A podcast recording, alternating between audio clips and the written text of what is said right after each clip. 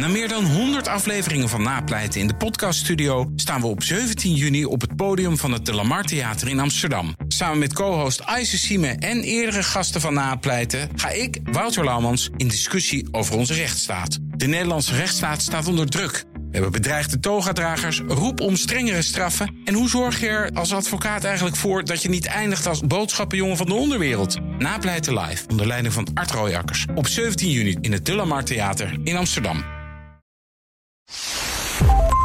Uh, welkom bij de Technoloog nummer 183. Herbert, welkom. Hey Ben. We hebben hier Wart Gené. Hij is co-founder van eSports Club. Wart, welkom. Goeie, en goeiedag. En we zitten weer in de studio. Oh, ik ben zo blij. Ik kan jullie weer zien, jongens. Drama. We kunnen weer gewoon praten. Ja, het is echt verschrikkelijk. dat je oh, over. Weet je ja. Wat was dit een drama tijd. Over en uit. Het leven wordt weer mooi. Zo is dat. Zo, oké. Maar uh, nee, Wart, je bent hier voor e-sports. Want, uh, even, je was een jaar geleden hier. En uh, ik heb nog even opgezocht. Toen ging het over e-sports. Weet je, we willen af en toe een update voor bepaalde onderwerpen doen. E-sports vind ik zo een onderwerp. Daar moeten we ieder jaar een update doen. En jij bent de persoon die daar updates over geeft. En toen maakte je even dat onderscheid. Je hebt casual games op je telefoon. Maar e-sports gaat om competitie. Ja? Klopt. Dus dat ja. is het verschil en dat verschil moeten we snappen. Dus dat kan je vergelijken met voetballen in competitieverband of voetballen op een pleintje voor de lol. Dat is het verschil. Ja, nee, absoluut. Dus ik zie eigenlijk voornamelijk gewoon gaming. En dan het competitieve gamen, dat wordt een e-sports genoemd. Maar ja. eigenlijk heb je het altijd over gamen. Ja, dus daar gaan we het over hebben. En vooral specifiek e-sports of gamen in coronatijd. Ja. Want er is, dankzij corona, heeft het een vlucht genomen. Weet je waar ik onmiddellijk aan moet denken? En denk dat het leuk is om dat meteen in de groep te gooien. Ik moet onmiddellijk denken aan wielrennen. Ja, ja, toch? Ja, ik begin het, te... De allereerste ja. wat er gebeurde na de lockdown was dat ja. de Amstel Gold Race ja. uh, digitaal werd verreden. Ja. En de Ronde van Vlaanderen. Ronde van Vlaanderen ook. Klopt, en het was volledig in het nieuws. En op een gegeven moment ging de, de Ajax-selectie ging ook uh, in één keer fietsen. Uh, nou, digitaal, virtueel. Alleen ja, de vraag die je dan zelf kunt stellen, en die ik mezelf stelde, was: is dat dan e-sports of is dat dan gedigitaliseerde sport? Fiets stellen wij aan jou. Ja, en ik zou eigenlijk vanuit de kern zeggen: dat is het uh, niet. Het is gewoon gedigitaliseerde sport. Jammer. Uh, ja, maar vind ja, ik ook. Daarom begon ik ook te lachen. Maar misschien ben ik dan niet goed bezig. In die zin dat, want heel veel uh, sportredacties... die zijn falikant tegen e-sports als sport. Want ja, het voldoet niet aan het feit dat je beweegt. Maar ja, als je het ziet als competitie... en je ziet sport als spel... Ja, ja dan is het wat mij betreft ook gewoon e-sports. Dus ja. misschien moet ik niet zo lastig en moeilijk doen. Ja, maar ik wil dan... Dat is toch belangrijk, denk ik dan. Want ja, ik hou natuurlijk van definities van sport, weet je wel. Maar e-sport is voor mij, daar zit een gaming, meer een spelelement. Dan zeg je, ja, dat zit ook in het voetbal. Maar dan is het... Ik, ja, er moet een, een, zeg maar, een, een game, een spelelement zitten. En dat vind ik bij. En dat moet dan, zeg maar, e-sport is voor mij dan met digitaal. Dus dan moeten nulletjes en eentjes. Dus dat is voor mij, dan ga ik naar de e-sport. Maar dus dat is een definitiekwestie. En eigenlijk de, de, de e-sport en de sport, zoals je het dan zou kunnen zeggen, die precies op dat snijvlak ligt. Dat is simracing. En simracing heeft tijdens de coronatijd echt een enorme vlucht genomen. Ja. En dat komt voornamelijk omdat dat het meest lijkt... Op de echte sport in de Ja, auto. dus het simracen lijkt ook heel erg... Maar ook de kijkbeleving is heel dan erg doe je hetzelfde. Ook wat, wat ik altijd noem race-spelletjes. Ja, maar dan echt met een stuur, pedalen. Ja, en dan okay. ook met een setup van zeg 20, 25.000 euro. Ja, um, dus ook met bandenwissels. Uh, nou ja, als je schade rijdt, moet je wel ja. de pitsta pitstraat in. Ja. Uh, en als je crasht, nou, dan lig je er gewoon uit. Um, maar die, daar zie je ook dus dat gewoon grote coureurs zoals Lando Norris, Max Verstappen, die zijn ook gewoon groot in die wereld en die kunnen dat ook echt goed. Um, en die, die, ja, die gebruiken die games ook echt om te, te oefenen en te trainen voor het echte werk. Uh, dus dat ligt heel erg dicht bij elkaar. Um, het enige wat je niet hebt zijn al die G-krachten natuurlijk. Uh, ja. Op het circuit. En de sfeer van het stadion. Je moet ook en... de setup even goed vertellen. Wat, want kijk, ja. ik speelde vroeger heel veel WRC 2003, 2004. Ja, nou, nou, gewoon een controle. Dat ging echt als een team. Maar dan, dat, dat, dat telt voor jou dan weer niet. Nee, dan moet ik een echt stuurtje hebben. Nou ja, dat is de vraag wat telt. En dat, dat is eigenlijk wel een beetje hoe, ik de, de, de, de, hoe de uitzending begonnen. Ja, wat telt nou wel, wat telt nou niet? Dat vind ik nou heel erg vanuit sport vaak. Ja. Zoals er over e-sports wordt gesproken. Misschien moet ik dat dan vanuit de e-sportshoek niet heel erg gaan doen. Ehm, maar wat je hebt is gewoon een verschillende gradatie in games. Dus je zag de Formule 1 werd afgelast. En toen ging de Formule 1 met de officiële Formule 1 game. Uh, gingen ze aan de slag. Gingen ze virtuele races uitzenden. Uh, werd volgens mij ook door Ziggo opgepakt. Dus in één keer was er heel veel aandacht voor simracen. Alleen de game Formule 1, de officiële racegame, is meer een arcadespel. Dus denk veel meer à la Need for Speed uh, qua gevoel. Dus dat is voor de echte serieuze coureur en de echte raceervaring heb je daarin veel minder. Maar als jij gewoon ja, één keer in het weekend, uh, of het weekend uh, is het raceweekend. Nou, binnenkort is Oostenrijk. En je wil even kijken hoe gaat het circuit. En je een beetje gevoel bij krijgen. Gewoon voor de fan van Formule 1. Ja, is dat gewoon superleuk. En dat speel je dan met de controller en niet met je toetsenbord. Met de pijltjes toetsen. Ja. Nou, en ga je dan een stap verder. Dan ga je naar games als Gran Turismo Sport. Uh, misschien wel Assetto Corsa. De wat serieuzere games. En dan koop je echt een stuurtje. Want anders kan je niet meedoen. Nou, en dan heb je nog een gradatie verder. En dan kom je echt bij de games die bijvoorbeeld een Max Verstappen speelt. iRacing. Nou, dan moet je dus eerst een licentie hebben voor de game. Vertel even helemaal die setup, ja, ja. licentie. Dat wil ik naartoe. En dan uh, heb je dan dus een licentie voor de game. Dan moet je dus een soort van rijbewijs of licenties halen. Dus je moet, moet je ook kopen, dat kost geld. Hoeveel nee, kost nee, dat dus om... je, je koopt een, een, licentie voor de game dat je hem kan spelen ieder jaar. Ja. Uh, en dan moet je ook in de game een soort van rijbewijs halen om zeg maar mee te doen aan bepaalde raceklasses. Wow. En dan heb je dus een stoeltje waar je in zit. Je hebt je pedalen. Nou, schakelen of flippers op het stuur. En dan heb je daar dus ook heel veel gradaties in. Heb je bijvoorbeeld één scherm of heb je drie schermen? Is je stuurtje is dat uh, nou, bijvoorbeeld. Uh, elektrisch met wat tegenstuur of is het hydraulisch met, uh, met, nou, zeg met olie. En als je dan een botsing maakt tegen de muur, klapt het stuurtje dan zo hard om dat je je polsen breekt. Weet je, dat zijn de, de kan dat, dat zijn de echte zware setups waar de echte professionals mee rijden. Maar ik zag dus een stuurtje van meer dan 2000 Dol, uh, pond volgens mij. Ja. Dat is, dus. Maar dat bedoel ik met, zeg maar, de, de, als je echt gewoon heel erg die ervaring wil hebben. en je wil echt gewoon ook de subtiliteit. en je wil echt, zeg maar, goed presteren in die game. dan gaat het om dat soort uh, details. Ja, dus je hebt klasses. Dus zeg maar, Orlando Norris, Max Verstappen. die zitten natuurlijk in de hoogste klasse. Ja. Hoeveel spelers zitten dan in die hoogste klasse? en hoeveel klassen zijn er daar dan onder? Ja, dat vind ik dus heel lastig te zeggen over uh, simracen. En dat had ik ook al toen simrace in één keer opkwam. NASCAR ging in één keer ook een race doen. 1,3 miljoen kijkers op Fox. Nou, dat is oh. ongeveer één Maar dat waren kwart. ook de echte racers die dat deden? Ja, ja. Of, ook met zo'n setup. Maar dat ook dan met zo'n setup, ja. En dan wordt het dan voor hen neergezet. En ja, dat komt er wel dicht bij de ervaring. Maar die hele simrace wereld, bijvoorbeeld van iRacing. Wanneer is nu welk toernooi en wie doet er mee? Is best wel onderzichtig. Er is nog niet per se, per se een hele grote database waar je dat kan zien. Het zijn veel verschillende losse communities. Ook in Nederland. Uh, die dan dat soort wedstrijden organiseren. En ik kwam er van de week achter, en ik heb hem nog niet gesproken, maar dat mijn scriptiebegeleider van de Universiteit Utrecht, dat hij blijkbaar één zo'n community runt in Nederland. Dus ik moet hem van de week even een keer gaan uh, ja, opzoeken bijvoorbeeld op, op LinkedIn en een berichtje sturen om daar een keer over te praten. Maar er zijn dus gewoon een aantal mensen gewoon in Nederland die zijn er ook op hobby, hobbymatige manier uh, gewoon echt iedere weekend, iedere dag mee bezig. Ja. Niet per se met wedstrijden, maar wel om zichzelf continu te verbeteren. En dat is ook echt met die simrace games. Ja, je probeert nou, dat heb je uiteraard, ook dat is een gehad. sport, ja. En dat, dat simracen, um, zit iedereen dan thuis? Of gaan ze toch met hun hele uh, outfit ergens bij elkaar zitten? Dan zit je, dan zit je wel thuis. meter, hè? Want je gaat niet je setup van de 10, 25.000 euro uh, mee op Nee, prijs nemen. nee. Dat is wonderlijk, want uh, er is mij altijd gezegd... ja, dat, dat gamen, ja, het competitief gamen...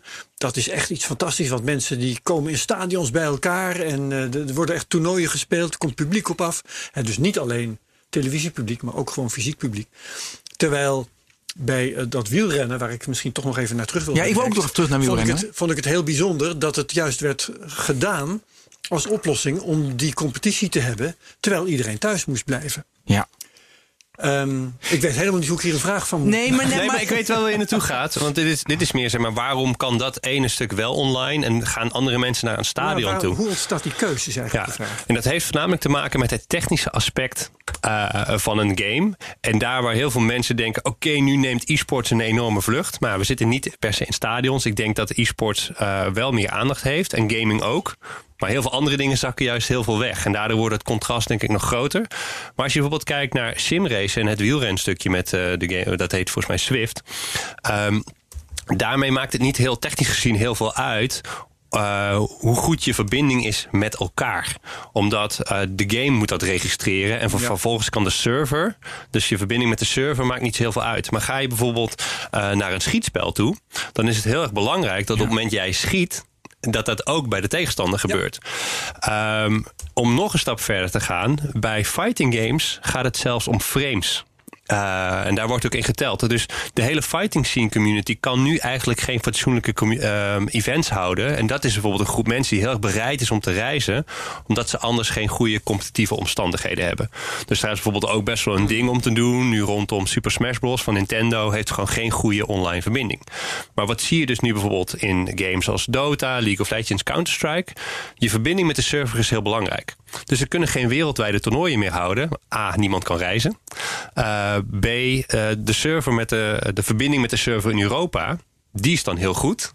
Maar ga je vanuit Europa ja. tegen iemand uit Amerika spelen, ja. dan ja, sta je eigenlijk al 1-0 achter. Dus, dus er zijn games die zich lenen uh, voor uh, thuisspelen, zeg maar. En ja. andere games waar je eigenlijk voor uh, naar dat stadion moet. in ieder geval bij elkaar in één event fysiek bij elkaar zijn. Ja, en dat noemen ze in de e-sportswereld in jargon op land gaan of naar, naar land. land gaan. Ja, precies. Uh, dus het, local area. Ja, dus dat eigenlijk de verbindingssnelheid met de server zo klein mogelijk is. En dat is ook dat voor iedereen gelijk voor iedereen is. gelijk, precies. Ja, dus, je, dus, en dat zie je dus ook bij bijvoorbeeld wereldkampioenschappen. Dan heb je bijvoorbeeld teams uit China, Europa en Amerika. En die komen dan ergens samen. Zodat ze allemaal onder dezelfde omstandigheden kunnen presteren. Omdat dat belangrijk is uh, voor een toernooi. Nou, ik, ik ben bijvoorbeeld een Dota-volger. En mijn favoriete team is OG. En dan heb je dus één speler die zit vanuit Amerika te spelen. Iemand anders vanuit Zuidoost-Azië. En die hebben dan een, een ping met de server van 100 tot 300 milliseconden. Dat is 100 tot zeg een kwart seconde vertraging. Mm -hmm. Dat is niet te doen in die game. Maar die jongens komen er best wel goed uit de verf. Um, maar dat is niet optimaal. Nee. En zo willen heel veel partijen niet spelen. Dus wat je nu ziet, heel veel in de e-sportswereld... is dat het heel veel per regio wordt gespeeld. Dus je hebt nu China, allemaal extra toernooien, allemaal online. Maar je ziet dus geen toernooien meer... waar verschillende teams van ja. verschillende regio's tegen elkaar spelen. Het is nu echt alleen maar Europa en de Russische regio bij elkaar. Ja, even over, uh, over die servers spelen online. In 2005 toen moest ik mobile multiplayer gaming moest ik meehelpen ontwikkelen. De MPERGs, de mobile... Die mobile de multi, massive, massive, massive online mobile, nou, enzovoort. en toen was er een Zweedse partij en die zei... En ja, je hebt natuurlijk, je toestellen zijn anders met, en weet je, en het netwerk is anders, kansloos. Maar er was een Zweedse partij, nee, zeggen we, als we naar onze server, dan zullen we voor ieder toestel, ieder netwerk, zullen we zorgen dat het gelijk, nou, dat is nooit gebeurd. Maar dat is dus 16 jaar geleden, 15 jaar geleden. Maar dat is er dus nog steeds niet. De, de, je kan dat dus nog steeds niet gelijk trekken door een server ertussen zetten, een vertraging in te bouwen. In elk geval niet wereldwijd. Uh, nee, zeg maar nee, nee niet, niet, wereldwijd. En je hebt zelfs, en dat hangt dus een beetje af van welke game dat je speelt, dat er gewoon ook echt local area networks zijn waar via gespeeld wordt. De meeste games moet je nu vanwege kopieerbeveiligingen altijd online spelen. Ja. Uh, want dan heb je een soort van licentie. Nou, dus je speelt ook al zit je een soort van op LAN, op een toernooi, ja. speel je nog wel via het internet met elkaar. Niet via lokaal ja, netwerk. Maar soms hebben ze wel uh, lokale servers waar via je speelt. En wat daar dan bijvoorbeeld heel interessant aan is, is dat, nou, dan moet je dus ook allemaal dezelfde PC hebben. Want je hebt dezelfde ja. verbinding, dezelfde monitor, dat is hetzelfde. Maar iedereen neemt wel zijn eigen toetsenbord en zijn eigen muis mee. Uh, maar wat nog misschien wel interessanter is, en wat veel, heel veel mensen zich niet realiseren, is dat je in je software heb je natuurlijk ook allemaal je eigen instellingen. Ja. De een speelt bijvoorbeeld de game in Chinees, um, maar de andere wil bijvoorbeeld zoveel, uh, zo gevoelig zijn muis hebben. Nou, hoe ga je dat doen op een groot toernooi? Hoe los je dat op? Nou, dan hebben ze dus voor alle spelers hebben ze een eigen harde schijf. Dus klaar met spelen, trekken ze die harde schijf eruit doen ze er een nieuwe harde schijf in. Met alle instellingen erop van die speler. Toetsenbord aansluiten en gaan. Ja, en dan is er natuurlijk een categorie dingen uh, die je voor iedereen gelijk wilt hebben. Hè? Bijvoorbeeld ja. uh, bandbreedte, lijken en, en zo meer. Ja. Technische dingen.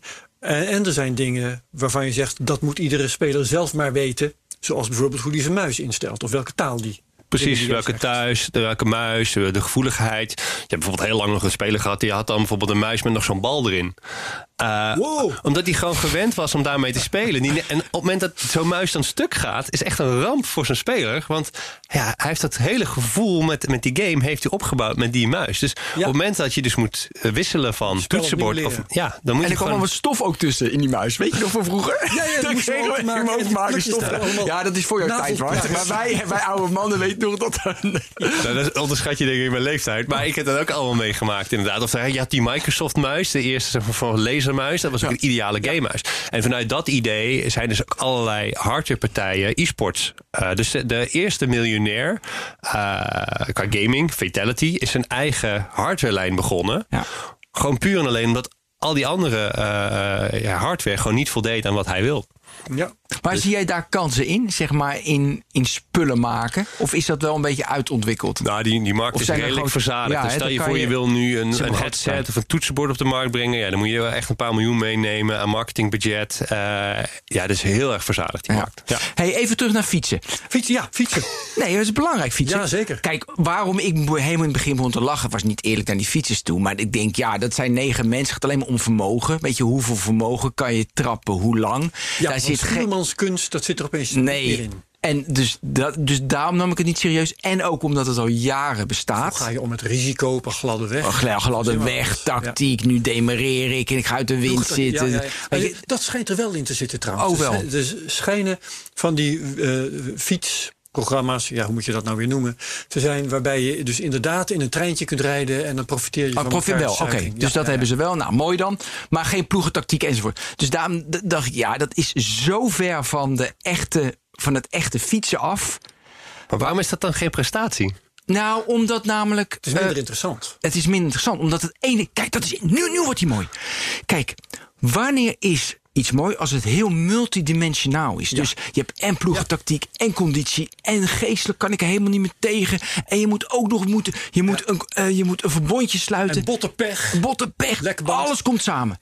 En je maakt het door. Geen lekke banden. In geen lekke banden. Ja, slecht. Dus, door het, dus er zijn te weinig spelelementen. Variabelen. Met, ja. ja, Met simracen, waarom, want dat vroeg Herbert, hey, je moet naar de pits, want je bent gecrashed. Dus hoe meer variabelen hebt, hoe vaker oh, het, dan, dan wordt het rijker. En dat vinden wij, wij Herbert en ik mooier. Maar jij misschien niet, maar wij wel. Nou, ik vind het exact veel mooier. En dat is ook waarom ik meer naar e-sports kijk dan naar sport. Omdat uh, e-sports juist al die lagen heeft en die lagen ook kan laten zien in data daar waar je bij sport mhm. bijvoorbeeld, wat ik heel jammer, ja, kijk, nu bij wielrennen, echt wielrennen, zie je pas de afstand, het vermogen. Eindelijk, uh, hè? De, de basisregel was altijd: oké, we hebben nog, te, wat is het, 10 kilometer te gaan, of 10, nou, per 10 minuten rijden een kilometer dicht. Of ik weet even de vuistregel niet meer, maar je wist altijd al: oké, het is deze afstand, ze gaan nog dicht rijden. 1 minuut per 10 kilometer is het, ja, Tenzij je gaat klimmen, uh, dan is het weer net even anders. Um, maar de, de, bij, bij e-sport heb je zoveel lagen, waardoor het, de verhalen die verteld worden in data. Uh, um, ja, vele malen interessanter zijn, behalve van het staat 1-0. Niet, daarbij wil ik niet zeggen dat je uh, dat bij andere sporten niet hebt. Maar het is veel moeilijker om dat uh, in beeld te brengen als je niet een commentator hebt die je daar bijvoorbeeld bewust van kan maken. En wat je ziet bij wielrennen, dat ze nu wel het vermogen van, uh, de, dus, van de koploper vergelijken met het vermogen van de achtervolgers. Waardoor je kan uit. Nou, dat houdt hij nooit vol, die 450 watt, zo lang nog. Dus dat gaat hij niet redden. Dat is een extra dimensie en daardoor wordt het mooier. En, en dat vind ik dus het mooie aan e-sports kijken voornamelijk. Is omdat je dus die data allemaal niet zeg maar van analoog naar digitaal hoeft te maken. Die heb je al. En zo is het eigenlijk ook in 2010 de huidige golf van e-sports ontstaan met StarCraft 2. Waarbij ze besloten we maken een speciale spectator mode. Waardoor je als kijker een andere beleving hebt dan de speler. Dus je ziet, zit niet te kijken naar bijvoorbeeld als twee spelers tegen elkaar spelen. Twee keer het scherm van een speler waartussen gewisseld wordt. Nee, er zit echt een cameraman met extra data en extra dingen die de spelers niet zien om de kijkbeleving te bevorderen. En bijna iedere game heeft dat tegenwoordig. Ja, maar Wart, kijk, als ik kijk naar FIFA, is dat boeiender dan een echte voetbalwedstrijd. Het gaat sneller, het zijn mooiere acties. Het, weet je, als je objectief als mens kijkt naar FIFA, dat is gewoon, dat is gewoon, dat is mooi om te zien. Is dat ook. Ja, nou, laat ik zo zeggen. FIFA is dan weer net het voorbeeld waarvan ik denk. Dat is een game die heeft dan geen spectator mode. Die brengt niet goed de data in beeld. Oh, en zeker als ik naar de E-divisie kijk, is het commentaar niet juist daarop aangesneden. Dus, nee, maar, maar het gaat sneller. persoonlijk oh, ja. Uh, altijd de echte sport het nee, leukste. Nee, nee, nee, nee, nee. Kijk, waarom? Weet je, dit is echt een voetbal twee keer 45 minuten duurt zo lang. En dan saai. En weet, dat is tactiek, dat weet ik wel. Maar dan moet je tijd rekken. En in FIFA, daar zit er veel meer snelheid in en acties in. En dat gebeurt meer. Dus dat vind ik prettig. Okay. Um, maar nu even met Formule 1. Is zo'n simrace als Max Verstappen meedoet, is dat is dat spannender om te zien? Of, of, of zeg maar NASCAR? Want er keken 1,3 miljoen mensen, zei je net. Ja, nee, NASCAR. kijk, en, en, en dat vind Ik dus het is, interessante maar- aan simracen. Dat het qua kijkbeleving redelijk hetzelfde is. Dus stel je voor, je hebt nu een abonnement op Formule 1... en je kan bij alle boordradio's meeluisteren en zelf je... eh, dus de echte Formule 1, Ja. en je kan zelf je camera bepalen. Ja, dat kan je nu eigenlijk bij wijze van spreken bij simracing eh, ook doen... als al die gasten hun eigen gameplay uitzenden. Dus je kan bijvoorbeeld meekijken bij Max eh, op zijn livestream... vanuit zijn auto Ja. bij Lando Norris. En dan hoor je ze met elkaar praten en dollen. Eh, en dat geeft een bepaalde beleving. Wat ik interessant vind aan, het, aan dat aspect... is dat je dan wat dichter bij de sporten kan komen. Ehm, maar het is, het is wel anders. Weet je, het gevaar van de crash... of dat is wel minder. En dat merk ik ook wel als ik nu kijk naar alle e-sports toernooien... eh, die dan online worden gespeeld vanuit de studio... of vanuit thuis gebroadcast met iedereen die thuis zit. De beleving is toch anders. Je gaat van het ene evenement naar het andere evenement... en je hebt niet echt het gevoel dat eh, er echt een verschil tussen zit. Dus het, het, het aanwezig zijn in de stadion, de sfeer... de unieke dingen van die locatie... eh, die je alleen daar hebt, eh, dat mis je dus. Wat zou dat dan kunnen zijn? Van, nou, kijk bijvoorbeeld als je naar Spa-Francorchamps gaat. Oh, je, dan heb je een met bepaalde ja, dan wel, ja. En heb je ook weer bepaalde herinneringen. Dus dan heb je ook bepaalde content die er omheen wordt gemaakt. En ook echt op die locatie is.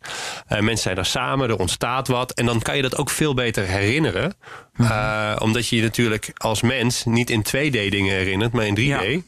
Ehm, dus nu ik een beetje die. eh, alles wat van digitaal is, is alles veel meer soort van hetzelfde. In plaats van dat ik meer het unieke momenten heb. vermogen is lastiger. Ja. En dat, dat, dat heb ik daar wel bij. Dus dat, je, je, je, je, je hebt Ja. wel. Er zit een ritme in en er gebeurt niet iets unieks. Ja, dus het mag af en toe wel meer pieken. Ik heb een andere vraag. Ehm, we hebben het hier veel over FIFA. Ook de vorige keer dat we hier zaten te praten met jou. Toen, eh, toen ging het veel over FIFA. Zijn er nou behalve voetbal meer sporten die, eh, ik zou maar zeggen, eh, een, een I-vorm hebben gekregen? Want er zijn sporten zat. Er is basketbal, er is ijshockey, er is honkbal. Je kunt, eigenlijk zou je in theorie elke sport de FIFA-behandeling kunnen geven. Maar bij welke sporten is het eigenlijk gebeurd? Eh, nou, de NBA is denk ik een heel goed voorbeeld. Eh, omdat Basketbal is dat. Basketbal, ja. En voornamelijk de NBA, omdat de NBA heeft zijn eigen competitie. Ehm, daar waar FIFA eigenlijk ook, nou, dat is Wereldvoetbalbond, eh, om het zo maar te zeggen. Maar de NBA heeft gewoon ook een eigen competitie. Maar ze hebben ook een eigen game. Ja. En daar hebben ze ook echt invloed op. Dus je kan bijvoorbeeld adverteren in de NBA-game. Eh, dus bijvoorbeeld de sponsoren van teams. Dus de NBA heeft een digitale versie, net als de E-divisie eh, in Amerika. Waarbij alle teams zes spelers hebben, die ook samen in huis wonen, die meereizen en die tegen elkaar spelen.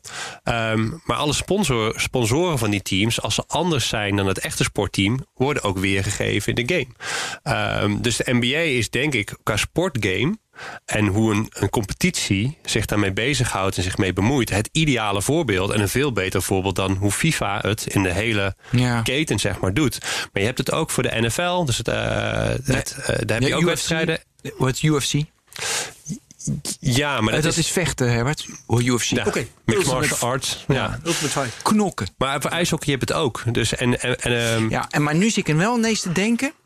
Eigenlijk slaat het nergens op. Want het was. Nee, want toen internet kwam, ging je een krant op internet zetten. We denken een krant, dat zet je op internet. Dus je gaat nu een sport dat bestaat in het echt mooi. Dat, komt, dat wordt nu digitaal. We hebben e-sports. En dan gaan we een traditionele sport gaan we op e-sport zetten. Dus eigenlijk is Doha en alle echte e-sports game. Is dat eigenlijk echt e-sports? Dat is meer geschikt. Ja, de- en dat vind ik gevaarlijk. Echte e-sport. Eh, ik denk alleen dat het gewoon interessanter is om naar te kijken. Omdat eh, als ik kijk naar. eh, kijk, voetbal qua gaming en FIFA qua gaming snap ik wel. En competitief gezien snap ik het ook. Want ja, iemand wil altijd de beste zijn. Ehm, maar zodra er niks wordt gedaan met de kijkbeleving. om die anders en dieper te maken. Als een game zijnde, eh, wat nu eh, er wel echt bij aan ontbreekt, bij bijvoorbeeld de FIFA, dan zal het niet heel snel heel veel interessanter worden dan eh, het voetbal zelf.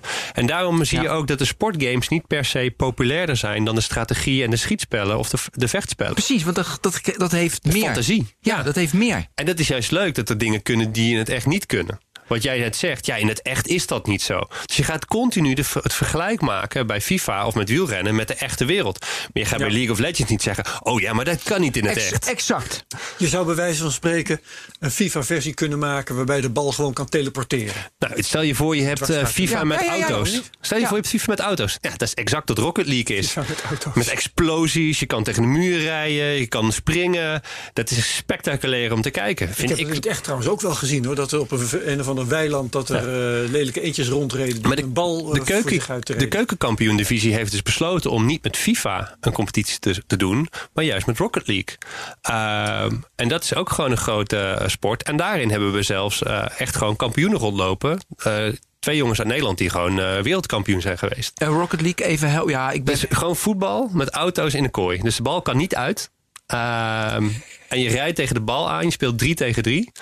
Ehm, en je kan allerlei soort van kap. Dus als de bal in de lucht gaat, kan je soort van springen. dus je kan allerlei, het is super lastig, want je moet de bal natuurlijk, net als met biljart, op de goede manier raken. Dat je hem soort van in, in het doel kaatst. Nou, probeer maar eens over te spelen eh, met elkaar. Maar dit is dus strategie. een game wat je nu beschrijft. Ja, Rocket League. Het is Ja. echt, als je nou denkt van, nou, gewoon voetbal met auto's en explosies. slaat Daar, daar nergens kun op. je erop wachten, lijkt mij. Dat dacht als, ik ook. Toen ging het, het is super verslavend. Als, Het is dit, als leuk. dit populair wordt, dan gaan mensen dat Maar het is al dus in het populair. echt doen. Ja. Het is al populair. In, in een weiland met een... eh, Ja, met lelijke eend. Vroeger had je van die, ja, van die autocrosswedstrijden. Met maar- kaart, ja, erop en gaan. Ja. Hey, kan je dan iets vertellen over gameplay? Waarom, eh, hoe dat ontstaat? Wa- waarom het superleuk is? Waarom het verslavend is? Kun je daar iets eh, over... Nou, wat het leuke vertellen? is aan deze games is dat ehm, er, er wordt continu wordt de, de balans veranderd van het spel. Dus wat ze noemen ze zeg maar meta. En ooit heeft iemand eh, de most eh, eh, advanced tactic of de, de, de, de, de, tactiek waarmee je het beste kunt winnen, zeg maar. Ja. Ehm, dat, dat, ja, op een gegeven moment wordt het uitgevogeld. Oké, als je de game wil winnen, dan kan je het beste deze strategie doen. En nou, die strategie werkt weer daartegen. En wat uitgevers van, van spellen of makers van spellen doen, is proberen dat zo goed mogelijk in balans te doen. Dus ze hebben allerlei statistieken dus waar ze naar kijken. En als iets dan te sterk is, maken ze dat zwakker. Ja, maar noem eens even concreet. Welke, noem eens een game en wat ze dan, Wat ze dan doen. sterk of zwak maken. Nou, dan heb je bijvoorbeeld eh, een game als eh, Counter-Strike. Counter-Strike nemen Nou, we. dan moet je, krijg je een eh, budget Ja. eh, als speler. Zeg 500 euro per ronde. Ehm, en dan kun je wapens kopen. Knalk je kapot. Nou ja, maar je moet, zeg maar, Counter-Strike denkt iedereen altijd het gaat om schieten. Maar het is eigenlijk een economiespel. Want hoe meer eh, nou, eh, mensen je omlegt, wij spreken tijdens de ronde, hoe meer geld je hebt. Hoe meer geld je hebt, hoe betere wapens je kunt kopen. Dus het is heel belangrijk om niet alleen goed te schieten, maar ook je economie te goed te bewaken. Op het moment dat een, een wapen, bij spreken op basis van 500 euro, 100 euro duurder wordt in het spel, wordt veel moeilijker om die te kopen. En gaan mensen kijken naar, oké, dit wapen levert me veel meer waarde op in het spel. En dan zie je dus dat mensen andere wapens gaan kiezen, waar weer andere strategieën door ontstaan. Ehm, en, en dat soort zaken. Dus Ja. hele kleine veranderingen in een spel kunnen hele grote veranderingen hebben. En soms ontdekt dus een bepaalde speler een trucje. Eh, en nou, dan ben je een soort van ahead of the curve. het is een optimalisatieprobleem. Ja. Ja, dus er wordt continu geoptimaliseerd. En, en omdat het zo snel gaat, omdat met al die professionals die er continu mee bezig zijn, is het ook voor die teams altijd de uitdaging om eh, verder te zijn in die optimalisatie dan de rest. Want dan heb je gewoon een betere tactiek. Eh, totdat de tactiek te sterk blijft te zijn, blijkt te zijn. En dan wordt het aangepast, het spel. En dan moet je weer opnieuw beginnen. Ja, hey, en, die, eh, en die kunstmatige intelligentie die won met World of Warcraft of een ander spel. Nee, zo'n artikel dat meneer me achter. Dat is ook denk- met Dota 2 geweest. Ja, dat de twee dan. Ja, ik bedoel, dan, dus ik, ik draai in simulatie, denk, oh, Ja. die doet het zo, zo, zo, zo. En dan ga ik echt spelen. Wat daar super en interessant aan is, Ja. in Dota heb je de verdeling tussen spelers. Je hebt vijf spelers in je team en iedere speler heeft een cijfer. 1, 2, 3, 4, 5. Nou, waar slaat dat in hemelsnaam op? Ik wil gewoon een middenvelder en een keeper. Nee, het slaat op wie heeft er eh, het recht om het meeste geld te verdienen. Dus ben je nummer 5, mag je helemaal niks verdienen. Ben je een arme ziel. De nummer 1, dus stel je voor je mag allebei kiezen om geld te verdienen in het spel. Dan gaat altijd een nummer 1, heeft altijd voorrang. Wat ze leerden van eh, die computer is dat dat geld aan het begin van het spel veel beter werd verdeeld door de spelers. Waardoor ze veel eerder een soort van momentum kregen in het spel. En later die verdeling anders werd. En dat zijn dus teams ook op gaan pakken. Dus ze zijn gaan leren van de AI qua optimalisatie. En daardoor zijn ze hun spel ook weer gaan aanpassen. En daardoor is de game eh, in die zin ook weer veranderd. Eh, dus eh, ja, dus dan leren ze gewoon niet. Ja, dan leren ze gewoon inderdaad van, van AI hoe je het toch beter kunt optimaliseren. Hey, en doping, gebruiken ze veel doping niet, jongens? Nou, dat, weet je dus, dat weet je dus nooit. En bij e-sports Nee, heb je twee soorten, of, ja, twee soorten van doping. Je hebt hardware doping. Ja? Uh, nou, je hebt eigenlijk- materiaal, Je hebt er drie. materiaal. Ja, dan heb ik drie. Je hebt hardware. Of zo, of, eh, Ehm, ehm, nee, het is niet per se eh, geheugen. Maar je hebt bijvoorbeeld eh, nou, ja, geheugen in je muis zitten. Nou, dan kan je weer een programmaatje opzetten. Eh, dus je kan het verwerken in je hardware. Dus in je, in je, je setup. Nou, net als een motortje in je fiets, zeg maar. Je kan het zo doen, qua cheaten. Eh, Het wordt allemaal gecontroleerd, allemaal gecheckt. ja, er wordt zoveel mogelijk gecheckt. Ja, allemaal, en daar is het bijvoorbeeld heel erg ophef over geweest bij de nieuwe game van de makers van League of Legends. Je hebt nu een nieuw schietspel, heet Valorant. Yes. En hun anti-cheat programma zit op het kernelniveau van je PC. Uh, maar dat hebben ze gedaan, omdat uh, ja, anders kunnen ze niet. Maar het is best wel een privacy issue dat ze in die laag van je PC hun anti-cheat software. alles doen. Precies. Dus op het moment dat je die game installeert, geef je ze daar wel toestemming toe. Maar zij zeggen, ja, dit is de enige manier om onze game uh, ja, zonder cheaters Take te hebben. Ja, uh, dus dat gaat best wel ver. Ja, en daarnaast heb je natuurlijk uh, doping. En wat je daarin qua veel verhalen hoort, is dat er veel bijvoorbeeld ADHD-medicatie wordt genomen. Ja, om, Ritalin. Ja, dus. Uh, Ja, om die concentratie goed te hebben. Precies. En het zijn natuurlijk allemaal AD... Nee, juist niet, want het zijn allemaal Ja. introverts. Maar En daar wordt bij grote toernooien wordt daar wel gewoon echt op gecontroleerd. Dus er zijn wel echt dopingcontroles. Bijvoorbeeld door een partij als een ESL, die grote toernooien organiseert internationaal. Daar heb je echt gewoon dopingcontrole. Ja, gaaf. En, en de derde... Nee, want hij zei drie doping. ja dus hardware- software, dus Ja, uh, ja. programma's die je draait. Ja. Uh, en dan hardware, Hard- zeg maar. Oké, en Ja. dan gewone pillen. Dus misschien is 2,5, ja. Pillen. En gewoon pillen, ja. Ehm, ik wou nog eens over een, een bepaalde sport hebben. Want wat als sport wordt beschouwd, kijk maar op de sportpagina, dat is schaken en dammen. Ja, Het wordt ook online gedaan. En er is nog steeds gewoon schaken en dammen. Dus ook weer zo'n voorbeeld waarvan ik denk: van moet ik hier in godsnaam over vragen? Maar het is, het is wel bijzonder dat je, eh, als je gaat voetballen online tegen elkaar via eh, internet en, en op computers, dan is FIFA, het ja. Opeens iets anders eigenlijk. Hè? Dan gaat ook andere mensen daar goed in zijn. Heet het eh, schaken, dan is het precies hetzelfde. Hoe kijk jij er tegenaan? Wat is, is, zou online schaken eigenlijk een aparte e-sport moeten zijn? Of was eigenlijk schaken altijd al een e-sport? Ja. Maar kon je het toevallig ook op een bord doen? Ja, en is het dan de vraag, is het misschien gewoon digitalisering van de sport of digitalisering van het spel? Ja. Je kan het heel makkelijk één op één overzetten. En dit is Ja. ook zo'n voorbeeld, net als simracing. Het lijkt heel erg op het echte ding. Daar bij voetbal. Simracing is daar ook een voorbeeld van. Ja. Ja, en, en, en daarom past dat gewoon heel erg goed uh, bij de, he in de hedendaagse sport, waar wel gewoon heel veel krachten en beweging zit. Mm -hmm. um, uiteraard zal je uh, straks een, een, virtuele versie krijgen van bewegend voetballen, terwijl je niet allemaal op dezelfde locatie bent. Ja, met die pakken aan en ja, bijvoorbeeld. die bril. zijn we nog lang niet. Uh, maar dat wordt ook gewoon heel anders. En dan, maar het is hetzelfde als dat er bijvoorbeeld wordt gesproken over een voetbalstadion, waar je dan de wedstrijd uh, via hologrammen kan kijken op 200 stadions wereldwijd, terwijl je niet bij de echte wedstrijd zit. Maar dat je het wel vanuit het stadion kan beleven alsof je erbij bent. Ja, dat je, um, precies. Dan is maar dat is een ander soort vraag. De Champions League finale wordt in Tokio gespeeld en je gaat hem toch hier in de arena bekijken. Ja. Alsof je erbij en dan kan je dus afvragen, ja, ga je gewoon schaken en ga je gewoon dammen? Of ga je schaken en dammen met explosies? uh, de laatste vind ik gewoon leuker. Uh, maar, maar, ja, dat zal voor de voor, qua kijkbeleving, dat die, dat die gasten dat gewoon zien als schaken. Ja, er moet maar veel meer moord en ja. doodslag zijn. Nee, niet, nee, niet, ja, niet moord en doodslag, maar veel meer lasers en bliepjes. Oh, en, bliepjes, ja. En entertainment. En het moet entertainment zijn. Uh, je kan het zoveel uh, meer entertainment geven. Ik bedoel, je hebt niet voor niets in al die nou. voetbalstadions, al die lichtshows tegenwoordig. En het, ja, nou, dat wil ik toch, want Henk Kraaienhof, uh, dat is die ex-trainer van Nelly Koman, die hoorde ik een keer. Be, uh, vergeet ik nooit meer. Vijf, zes jaar geleden bij BNR. En er was de vraag van waarom is atletiek niet meer populair? En hetzelfde met schaatsen, zelfs met zwemmen, alleen met Olympische Spelen. Dat kwam, zei hij, omdat de mensen een tijdsport. Ja, dat, dat willen ze niet. Men, omdat de wereld allemaal strak is, nullen en enen. Het moet allemaal gecontroleerd worden. Leuk met uh, uh, weet je, het moet uh, controle. Ehm, willen mensen meer spelletjes? Het moet meer leuk zijn. En niet meer gewoon een tijd klaar. Ja. En dat vond ik dus, wat jij zegt, ik wil meer eh, frit, fratsen en frutsen. Ja, en, en krijg je synchroon zwemmen en rare dingen op Rare dingen en ook het onverwachte. Dus waarom, weet je, mensen willen het onverwachte in sport. En daardoor wordt het populairder. Is dat ook een, uh, ook een verklaring waarom e-sports populairder wordt? Omdat er meer verrassing in zit ook qua kijksport. Nou, er zit gewoon meer prikkeling in. Prikkeling. Dus, en dat is eigenlijk ook dat je wat kan gaming. En als je dan toch heel even het verslavingsdebat ingaat. Kijk, het is natuurlijk een, een hyperprikkel eh, ten opzichte van. Ik gebruik gaming echt als ik even helemaal ontsnappen wil ontsnappen aan de wereld. Omdat het mij zo veel meer prikkelt dan even een film kijken. Ehm, ehm, Omdat je met je gedachten echt niet ergens anders Nee, je kan. kan Je echt nergens. Ja, je moet er echt vol in. Dus je, je krijgt veel meer prikkels. En wat het veel interessanter eh, kan maken om te kijken dan. Oh ja, nou, we zijn bij 45 minuten aan het kijken en er is nog steeds geen doelpunt gevallen. En die beide teams die gooien eigenlijk met de pet naar. Is er eigenlijk altijd wel iets, eh, iets te zien. Ehm, Ja, maar dan trigger je me wel, want dan zeg je van... oké, ik heb super concentratie. De klacht nu even, als we toch heel kort even Ja. over verslaving... De klacht is de jeugd kan zich niet meer concentreren. Weet je, ze ADHD hebben ze allemaal en ze gaan alle kanten op. En ze kunnen zich met, eh, dus met gamen super concentreren. ja, omdat je wordt Omdat ze heel veel prikkels hebben. Ja. Dus dan hebben ze eigenlijk in de normale samenleving, buiten die game, te weinig prikkels. Ja, dat.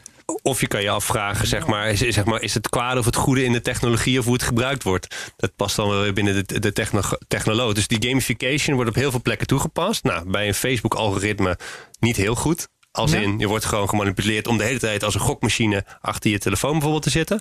Ehm, maar het kan dus ook op een, op een goede, leuke manier. En wat ik denk dat goed is, wat je nu ziet veranderen in de gaming-industrie, is dat vroeger had iedereen allemaal lootboxes. Dus je koopt iets en dan zit er iets in, Ja. maar je weet niet wat.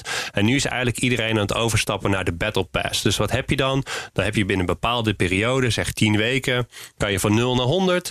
eh, betaal je daarvoor, zeg 10 euro. Dan krijg je veel meer beloningen. Betaal je niet, dan krijg je een paar beloningen. Maar je kan het gewoon spelen. Eh, en, ook en je weet die- van tevoren precies wat je krijgt. Maar ook omdat die lootboxes vanuit Brussel verboden werden. Nee, maar het is gewoon gokken. Dus pakjes FIFA is gewoon gokken. En dat heeft ook diezelfde ervaring van... Ah, misschien nog even tien pakjes kopen... want misschien zit, er nog, zit die er wel in. Dus het, het, het- Maar is het nu helemaal weg? eh, de nee, lootboxes? nee, het zit absoluut nog in games. En eh, ik, ik ben er absoluut geen voorstander van. Omdat het wel echt gewoon... Die, op een gegeven moment werd het heel populair... omdat het een hele goede manier is om geld te verdienen. Ja. Maar Ben, hoorde ik jou nou zeggen dat, dat we prikkels zoeken in games omdat het gewoon leven zo saai is? Nou, ik denk, Zoiets dacht ik. ja, nou, ik denk echt dat de, voor de ontsnapping. Volgens mij is het precies andersom namelijk. Volgens mij eh, hebben we in het gewone leven tegenwoordig zoveel prikkels. Via de televisie en via pretparken. En speelgoed van kleine kinderen begint tegenwoordig. Dat je wil al- er ontsnappen. komt allemaal geluid Ja. uit en het rammelt. En, en er zit Je wordt helemaal gek gemaakt. kleurtjes. Ehm, dat we eh, in games hetzelfde verlangen. Hetzelfde. Ja, nou, ja, maar hij zei net, Wart, dat hij juist die concentratie, dat die, dat die helemaal, helemaal weg is. Dus even niet die prikkels van buiten. Ja, het is hetzelfde. Het, het, het, is- het is nog meer prikkels. Het is nog meer prikkels, ja. En dat kan heel, heel fijn zijn en heel positief. Nee, dat is, dat, uiteindelijk moeten mensen ook rust. Je hersens hebben rust Ja, nodig. ja, nee, maar daarom moet je ook genoeg Om te slapen. kunnen pieken. Ja, ja. Dus je, dus je moet het niet te veel doen. Uh, of te veel doen. Je moet wel genoeg rust nemen. En, uh, en daarvoor is het belangrijk. Maar dat kan dus gewoon even, even lekker zijn. Het is gewoon hyperstimulans. Zeg maar, een boek lezen is op een andere manier ook een soort van hyperstimulans op een andere manier. Ja.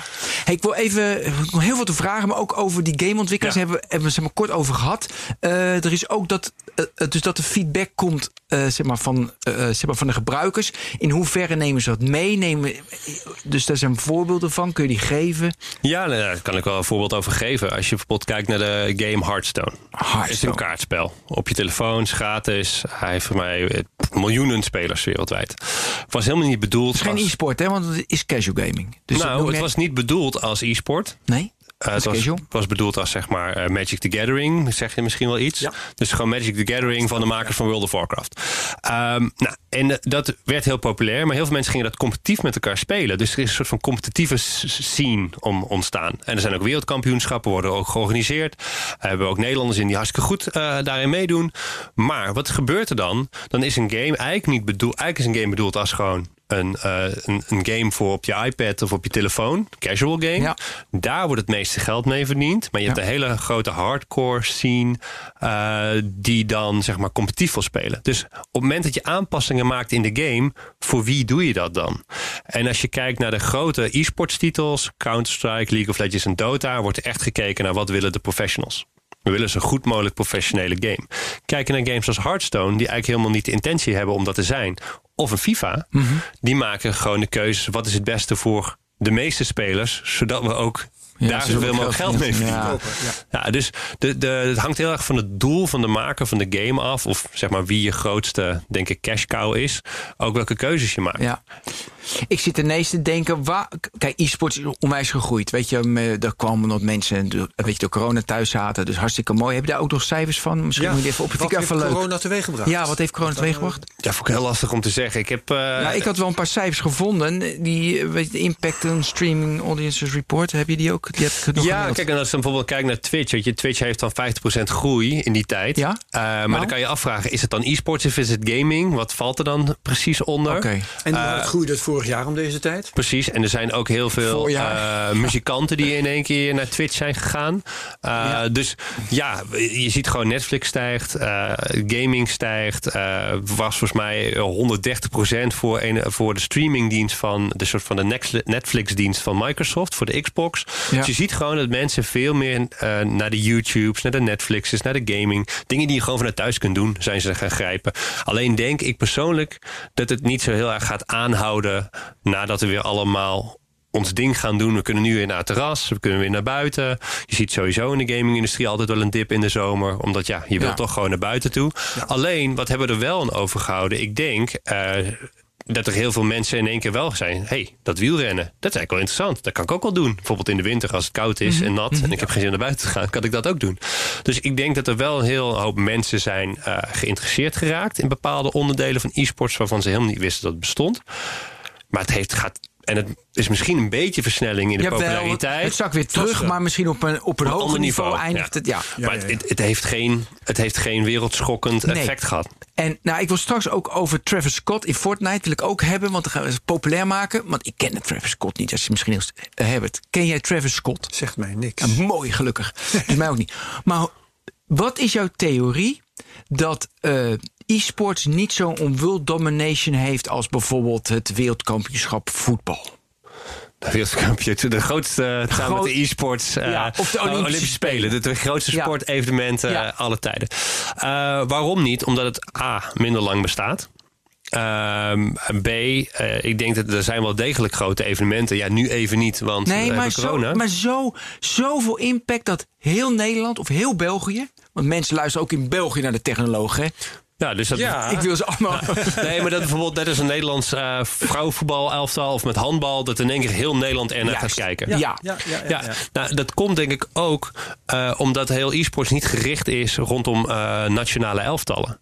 Eh, het zijn allemaal teams met spelers eh, uit verschillende landen. Ja. Dus het, het- e-sports is niet ingericht rondom nationale elftallen. Nee, maar volgens mij is het ook omdat het te versnipperd is. Weet je, ik kan al die, weet je, al die spe, ik, ja, ik je weet ook niet waar je naar kijkt. Dus als jij denkt in Dota, oh ja, een Nederlands team eh, staat in de WK-finale, bij wijze van Nee, spreken. maar als je nu gewoon drie spelletjes doet. Weet je, je doet schieten, je doet een, eh, een, een, zeg maar, een strategiegame en je doet nog die drie. En een paar die al wat langer, want daar hebben we het vorige keer over gehad. ja. Hoe, hoe lang blijft een, een game eigenlijk bestaan? Dus- maar is, is, er, ehm, is er geen. Want, want is bijvoorbeeld de, eh, op de Olympische Spelen laten ze voortdurend nieuwe sporten toe. Hè, het, het, eh, s- hoe heet het, het schoonspringen op skis. En dat soort dingen die ik totaal onzinnig vind. Skateboarden. Ja. Ja, precies. Ehm, maar is daar geen sprake van dat dit soort dingen op de Olympische Spelen gedaan gaan worden? Juist, en ze vanuit de Asian Games, eh, daar wordt- is het al onderdeel van, zeg maar. Alleen ze houden het tegen op basis van dat het niet voldoet aan de Olympische eh, waarden. Dus vaak na schietspellen zit geweld in. Eh, nou, bij Rocket League explodeert de bal al, nou ook geweld. Dus dat kan ook niet.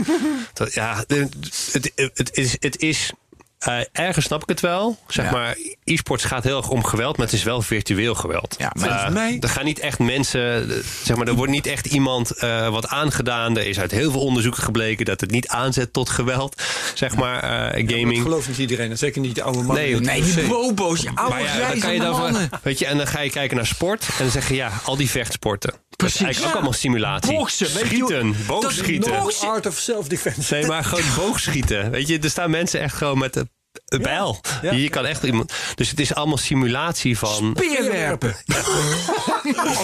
Nee, je moet niet het veld over te langzaam. Nee, maar dus, dus ja, weet je, dus het is heel erg. eh, als ik naar kijk, denk ik, aan de ene kant heb je gelijk. Eh, maar dat is ook hoe je kijkt naar sport. Weet je, is sport bewegen of is het competitie? Eh, qua definitie? Uh, en is dan simulatie van Ja. qua gaming, is het dan verheerlijking van geweld? Of is dat gewoon, nou, zoals ik zeg, Counter-Strike is echt gewoon, draait om economie. Ja. Het is gewoon een economisch Ja. proces. En als je dat niet beheerst, ben je heel slecht in de game. Al kun je heel goed iemand door zijn hoofd schieten. Maar nou eens even een hele andere wending. Hè. Volgens mij, eh, maar correct me if I'm wrong, wordt er nog steeds elk jaar een wereldkampioen bepaald in Tetris. Ja, klopt. Dat, eh, dat is dus al een game met een hele lange Ja. traditie. Want wanneer is het uitgevonden? Ik denk in eh, 1990. 1990, of zo. ja. Ja, dus dat bestaat dan al reken, reken eh, 30, eh, 35, 30 jaar. 30 jaar. Eh, Tetris op de Olympische Spelen. Waarom niet? Ja, kijk, en, en dan kun je dus afvragen: eh, A, heeft iemand zin om ernaar te kijken? Eh, B, hoe groot is die community daaromheen? Eh, hoeveel mensen willen dat überhaupt spelen of Mhm. Ja, willen dat doen? Verwacht de Olympische Spelen er beter van te worden? Hè? Want dat is natuurlijk ook. Het moet sponsors. Ja, nee, waarom? Het moet waarom kijkers trekken, toch? Ja. Schoonspringen, Ja, skisporten erin. Omdat ze dan skis verkopen. Ja. En dat levert sponsors op. En dat levert de Olympische Spelen. En ik zeg dan, waarom zou je Tetris doen als je bij wijze van spreken League of Legends kunt doen, wat eh, het voetbal is van e-sport? Ja. Zeg maar, daar kijken Ja. vanuit de wereld de meeste mensen naar. Nou, Ja. kijk even, wat is populair in China? Dan kijken daar de meeste mensen naar. Ja. Dus League of Legends. Ja, ik, ik zou voor zijn. Eh Travis Scott. Ja, ik heb al die filmpjes zitten kijken, Travis Scott. Ik niet. Ja, op YouTube. Kijk, Travis Scott, eh, wat hebben ze in Fortnite is... Ik hoop dat de technoloogluister niet weet wie het is. Hè? Dat hoop Nee, ik. precies. Er zullen er zeker zijn die Ja, Fortnite is voor heel mensen, dat speelt mijn zoon of mijn neefje, kan je al een gekke dansje doen en je kan ook mensen eh, schieten. Maar het, eigenlijk is het één grote cultureel fenomeen. Het is een soort van Second Life, alleen dan voor de jeugd. Eh, voor iedereen die nog Second Life kent. Nou, Maar toevallig heb ik weer mijn account geactiveerd bij Second Life. Oh ja? Opnieuw gekeken, van de week gekeken. Want ik dacht, nou ja, een beetje in coronatijd moet Second Life... Maar het is eigenlijk een soort van virtuele wereld waar je in samen kan zijn. Nou, wordt er heel veel in gespeeld. Maar het is ook echt de intentie van de ontwikkelaar Epic Games. om daar een soort van, eh, ja, een soort van Second Life-achtige. of een soort van social medium platform van te maken om te zijn. Zo had je dan bijvoorbeeld eerder al dat Marshmallow een concert gaf. Nou, dan stond hij op een podium.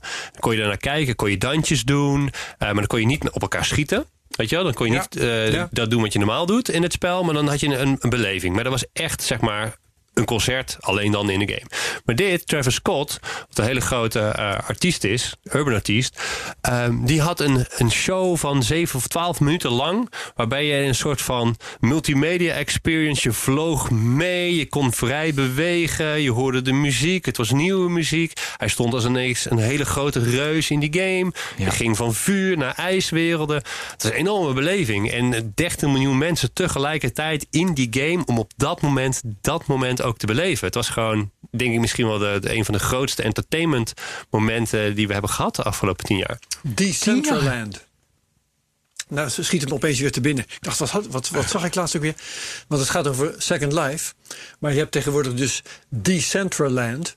En dat is een virtual world gebaseerd op ehm, Ethereum, op eh, cryptocurrency. En afgelopen week was er een eh, lancering van SpaceX. Hè. Die hebben als Ja, eerste heb ik live gevolgd. onderneming eh, Zaterdagavond. mensen naar het ruimtestation. En die lancering die werd live vertoond in Decentraland. Dus dan kon je met je poppetje. Ik vind het altijd een beetje potsierlijk hoor, moet ik eerlijk. Vond ik met Second Life ook altijd totaal belachelijk.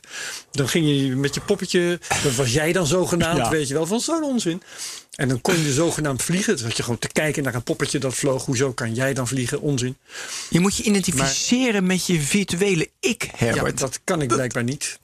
Maar in ieder geval, Decentraland is het nieuwe Second Life. En daar hebben ze Oh. dus die eh, lancering van SpaceX nog eens vertoond. Of voor de jeugd is het gewoon een Fortnite. Want ja, daar zit je toch al iedere dag met je vrienden. Ja, oké. En waarom koopt Facebook... Oh, sorry. Ga maar door. Nee, maar dan, en dan heb je zo'n Travis Scott experience. Ja, dat is A, voor zo'n Travis Scott is natuurlijk geweldige promotie.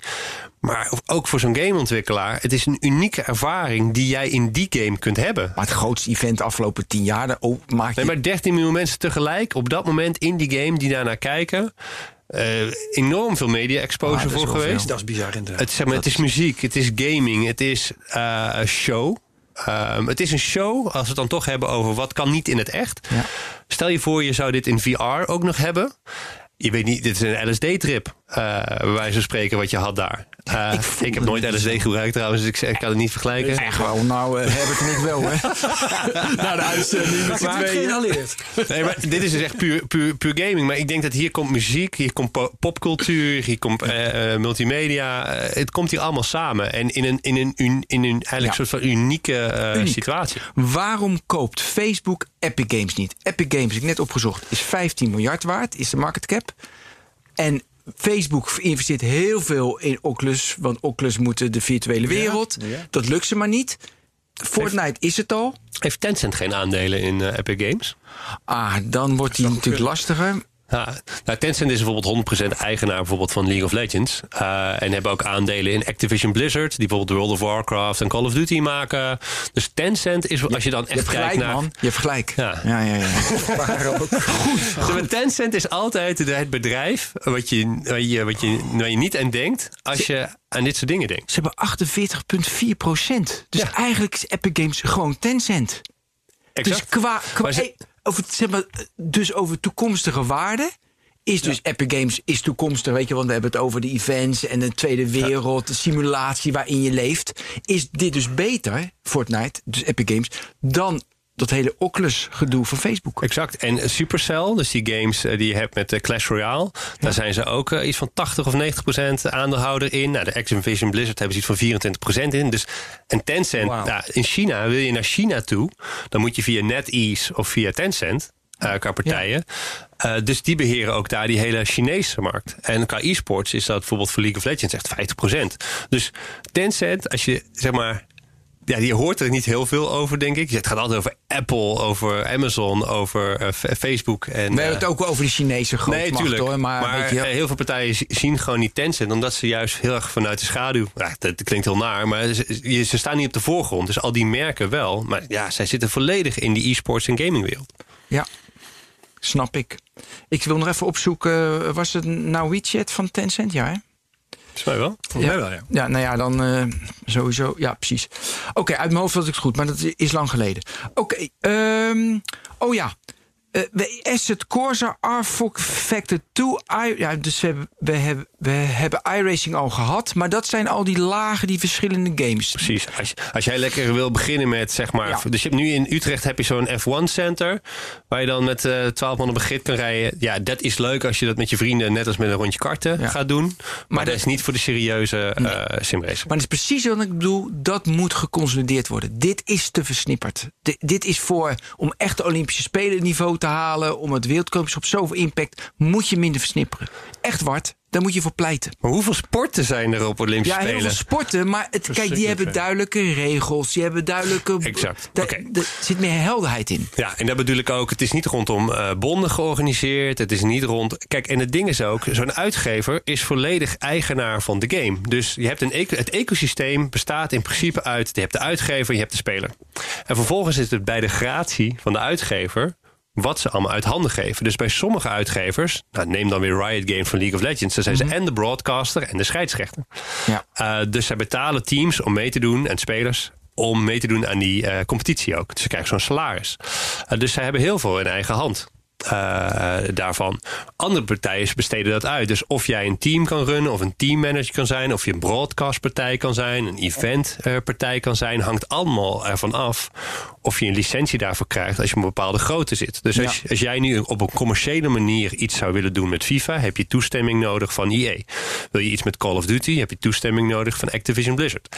En al die procedures die je daarvoor nodig hebt en moet doorlopen, die zijn die staan gewoon niet per se op het internet. Dus dat maakt het allemaal vrij, uh, vrij wazig. Maar de, ja, de, de waardeketen rondom e-sports wordt wel steeds duidelijker. Uh, maar centraal staat nog altijd de uitgever van de game. En als die besluit, nou, ik hou ermee op. Of uh, de... Ja, maar dat is ook een verschil. Kijk, dus die gameuitgevers zijn beursgenoteerde bedrijven, die hebben aandeelhouders. En, en als je natuurlijk naar sportorganisaties kijkt, ja, dat zijn vrijwilligers. Die het hartstikke ja, fijn. zou nou, ik zeggen. En nee. Ja, mooi. Ik heb liever de Want nee. in het IOC en, en de, de grote voetbalbonden, ja. kortom, als een sport echt groot wordt, dan is dat. Ja, dan weer nou, wel. Ik wil niet zeggen geprofessionaliseerd. Nee, maar dat die mensen doen het. Nee, precies. Vaak heel amateuristisch. maar die mensen doen het wel voor veel geld en fulltime. Ja, maar er is ook een monopolie van een bond. Dus bijvoorbeeld ja. FIFA heeft een monopolie op voetbal. Dus voetbal is van niemand. Maar de FIFA controleert Ja, wel het ja, ja, ja. ecosysteem. Net als NBA, dat noemen ze ook eh, World Champion. Maar er is veel meer eh, Maar wat ik basketbal. interessant vind, omdat jij net Kijk naar zegt... vechtsporten. Heb je verschillende bonden waaronder je kan spelen? Ja, maar het Ja, verschil ja, ja, is toch. boksen, Ja, maar verschillende bonden voor één. Nee, maar het verschil, ook? Is, ja, maar het verschil is wel... zijn je aandeelhouders, hebben die een belang gewoon in geld? Ik, mo- ik ben aandeelhouder in EA of in Epic Games. Mhm. en, hey, en Epic Games heeft maar... die moet verantwoording afleggen naar de aandeelhouders. Gras, je moet rendement maken. Aan wie moet de FIFA eh, verantwoording afleggen? Ja, geen idee trouwens, maar... Weet je, dat zijn toch de bonden allemaal die controleren. Er zit geen geldelement in dat zij aan aandeel... Ja, dus dat zie, zie het verschil. Dat vind ik een verschil. Nou, ik vind eigenlijk, als je dan kijkt naar FIFA, vind ik eigenlijk ook een corporate.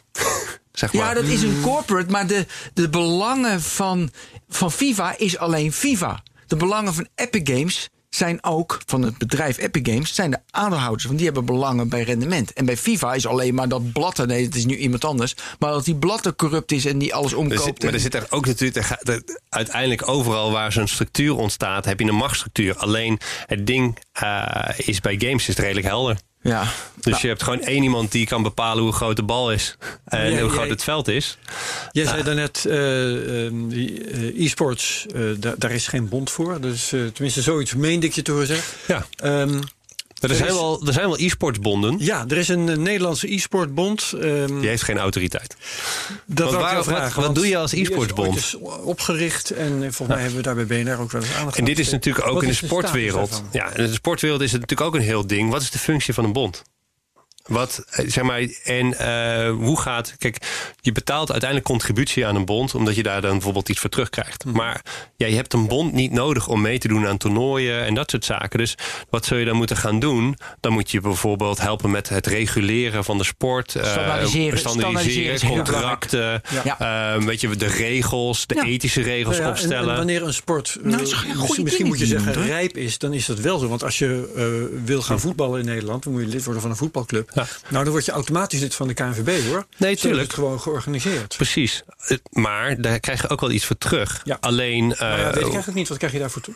Nou ja, eh, zeg maar, qua trainers, er zijn allerlei opleidingen, dus er zijn standaardisaties. Ja, dus je, je, je maakt, dan, eh, ja, en er wordt, als het Ja, goed is, wordt er ook zeg maar, iemand op de vingers getikt als er iets gebeurt. Ehm, dus er is ook een soort van controle eh, en opleiding en dat soort zaken. En eh, je hebt een soort van systeem waar je naar door Ja, kan ja, stromen ja, naar de top. Maar dat heb je in e-sports dus allemaal niet. is en al die nodig, of standaardisatie, niet? ja, dat is nodig. Ja. Eh, want stel je voor, ik ben een speler, ik wil bij een team.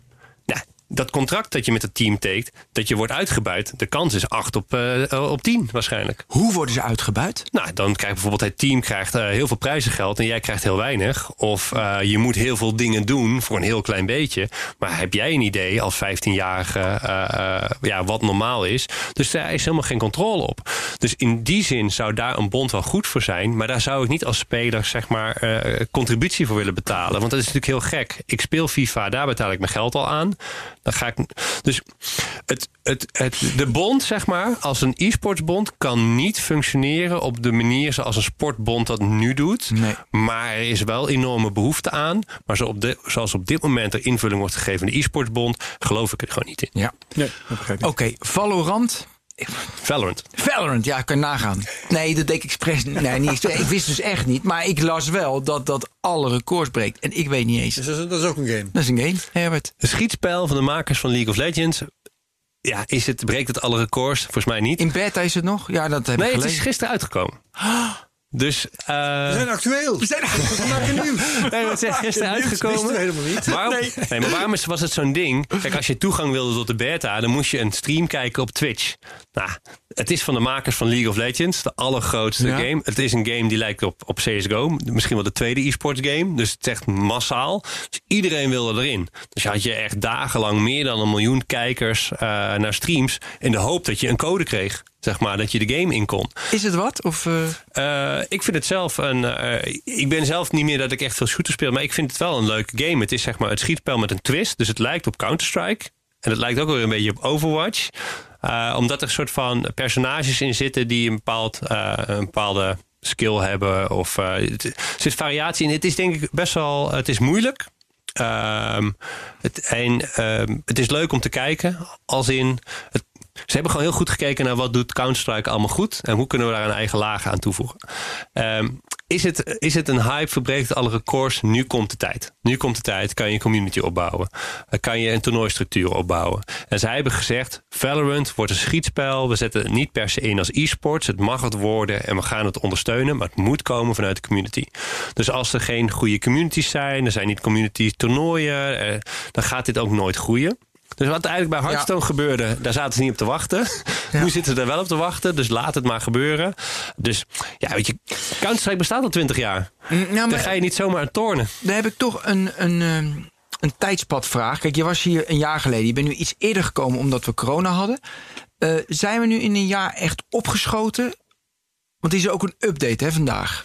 Ja, ik denk dat we in een jaar tijd en wel... waar? Waar zijn we opgeschoten? Op welke vlakken? Nou, waar we zijn opgeschoten, denk ik, als je kijkt naar Nederland, is het besef eh, rondom e-sports. Ik denk dat er veel meer besef is. We zijn er nog verre van. Uh, maar er is wel een veel beter besef over dat het meer is dan FIFA.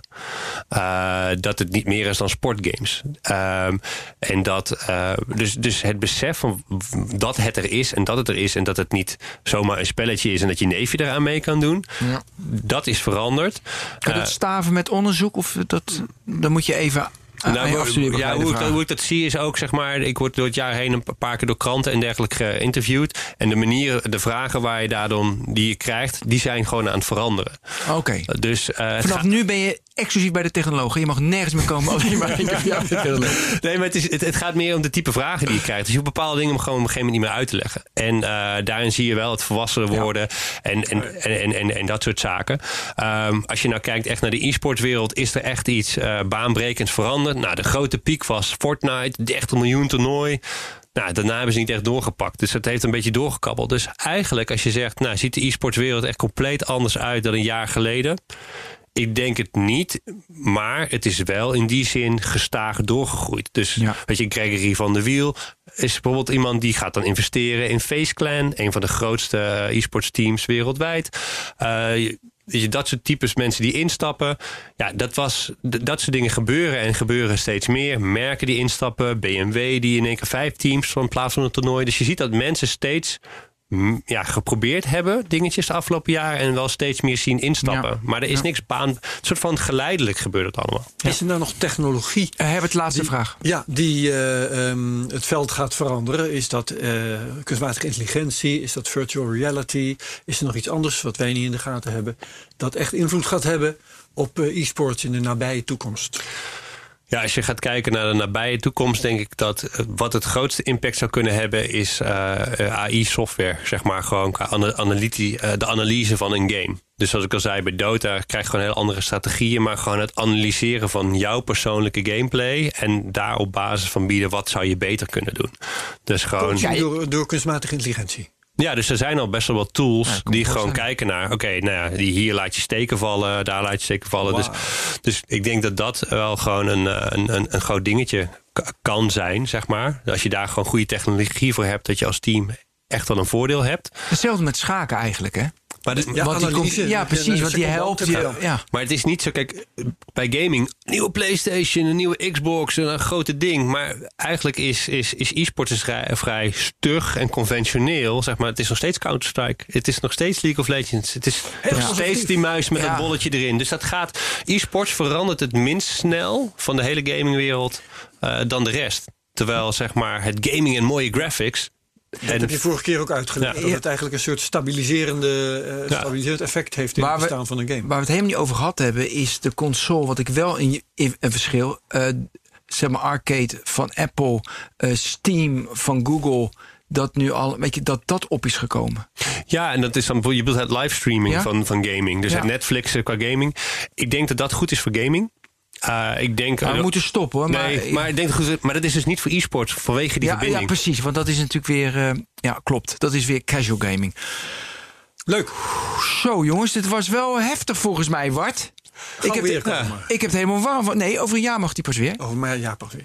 Nou ja, of er moet iets heel bijzonders gebeuren. En je weet nooit meer iemand anders. eh, bij, bij iemand anders. Herbert bedankt, Bart bedankt. Ben bedankt. Dit was Technoloog 183. Ik hoop dat jullie genoten hebben. En zo niet, ja, dan hebben we pech met z'n allen. Eh, tot de volgende Technoloog.